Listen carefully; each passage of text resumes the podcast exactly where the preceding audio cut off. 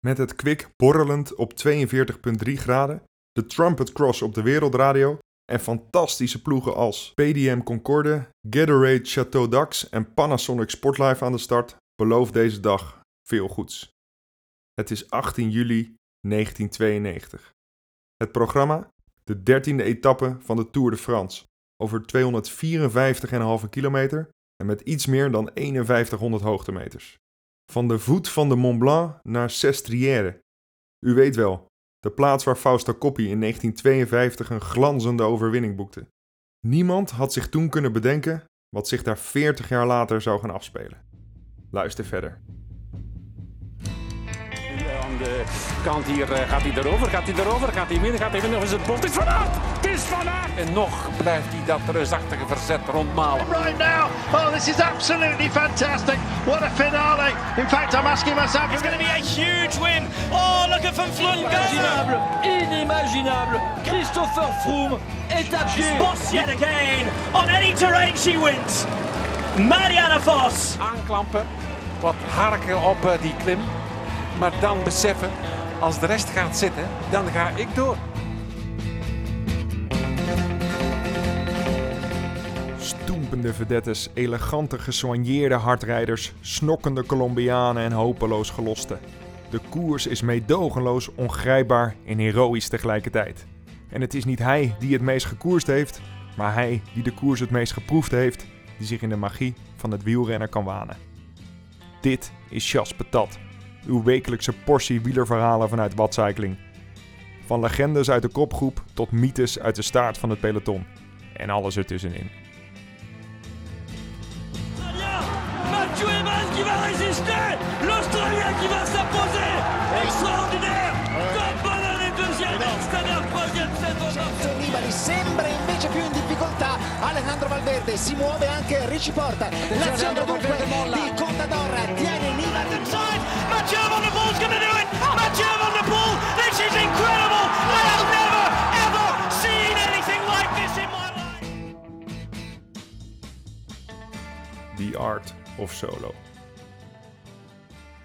Met alleskunner Laurent Fignon, Ierse hoop Steven Roche, wereldkampioen Gianni Bugno en de oppermachtige Miguel Indurain hebben een aantal renners van ongekend garnituur deze etappe al met viltstift aangestipt. Dat deze etappe de geschiedenisboek ingaat, staat dus al redelijk vast. De vraag is alleen wie de helderrol in het verhaal op zal eisen.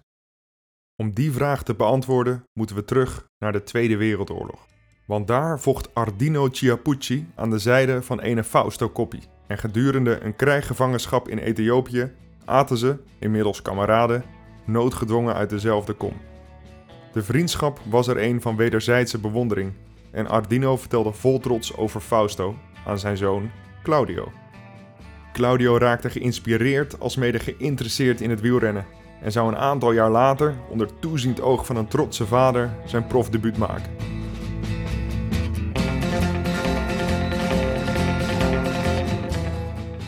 Maar de dag nadat Claudio zijn profdebuut had gemaakt, in La Cuela, stierf zijn vader Ardino aan een hersentumor.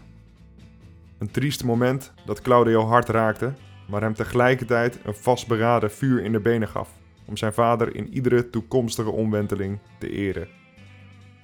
Vooral bergop, want dat was het terrein van Claudio Il Diablo Chiappucci. En 18 juli 1992 was zo'n eervolle dag.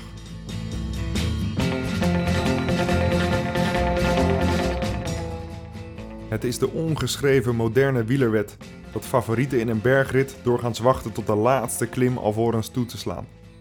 De kleine Claudio, vreemaatje 48, denkt daar anders over en rijdt vanaf de start een straf tempo. Een tempo waarvan Steven Roche later zou zeggen dat hij dacht dat Chiappucci zelfmoord op twee wielen zou plegen. Met nog een goede 237 kilometer te gaan vormt zich een kopgroep met een aantal gerenommeerde namen. Iers wonderkind Sean Kelly, Raúl Alcala, die in 2010 op 46-jarige leeftijd nog Mexicaans kampioen tijdrijden werd, zevenvoudig bolletjestrui-winnaar Richard Virenque, de helaas nooit oud geworden Thierry Claverola en last but not least Claudio Chiappucci, blinkend in zijn gebruinde vel.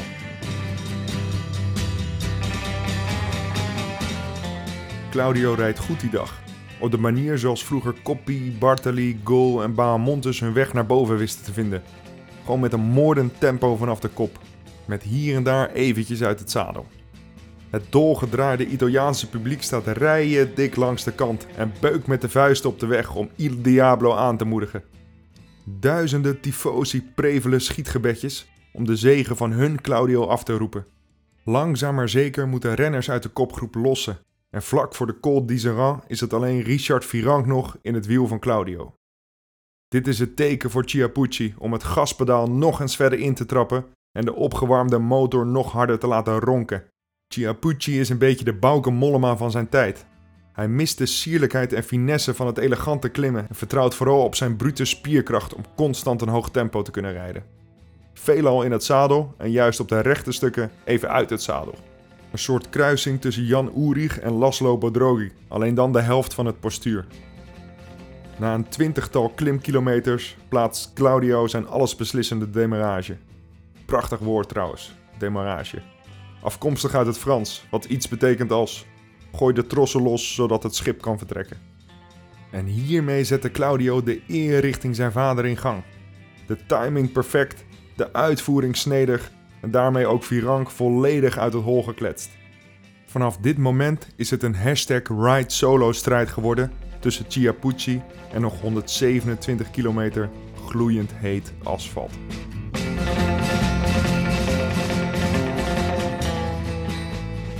De zengende hitte van boven de 40 graden wordt ook de technologie tijdelijk fataal. En minuten en minuten lang moeten de luisteraars het doen met de Tarantula-tune van Rijn van den Broek. Het is wachten op een beeld van een van de helikopters die rond de toppen van de Col de Iseran aan het cirkelen zijn. Niet veel later is daar het verlossende bericht. Ongeveer 162 centimeter aan traagzaam malend Italiaans zout schiet met een cadans van rond de 50 rpm over de top.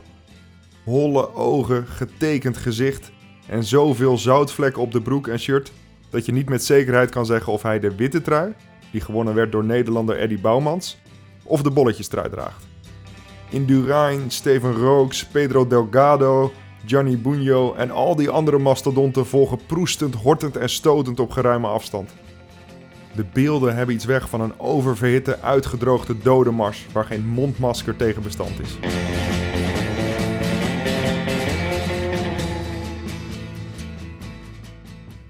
Na meer dan 230 kilometer op kop te hebben gereden, waarvan 127 kilometer solo, komt Chiappucci aan bij de aankomst in Sestriere.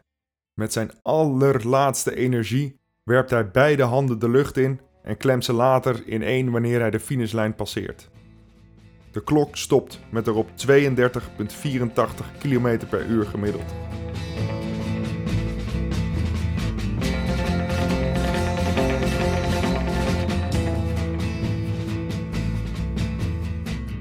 Een hysterisch gehuil en gejoel stijgt op uit de menigte. Zijn naam wordt gescandeerd en het oorverdovende lawaai kaatst via de rotsen terug naar drievoudig toerwinnaar Greg LeMond. Want Greg, in het gezelschap van Rob Harmeling en pacingheld Jackie Durand, zou nog zeker 50 minuten nodig hebben om binnen te komen en zou niet veel later de Tour de France zelfs verlaten. Een historische dag in het wielrennen. En naast de inspanningen van Chris Froome, Fabian Cancellara, Eddy Merckx, Annemiek van Vleuten en Fausto Coppi was dit een solo om nooit te vergeten.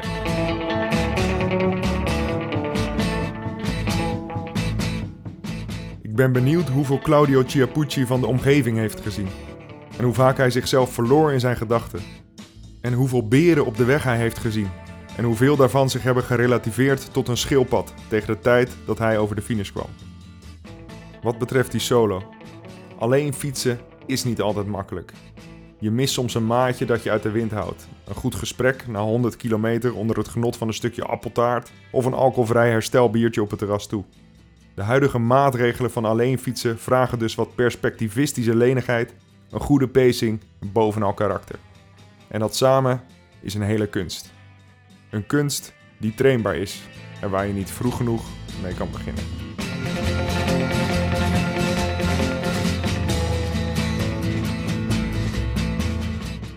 Bedankt voor het luisteren naar Chas Patat. Abonneer je op het Chas Patat kanaal om op de hoogte te blijven van nieuwe afleveringen. En het helpt ons ook weer om gevonden te worden door nieuwe luisteraars. Lees je liever zelf?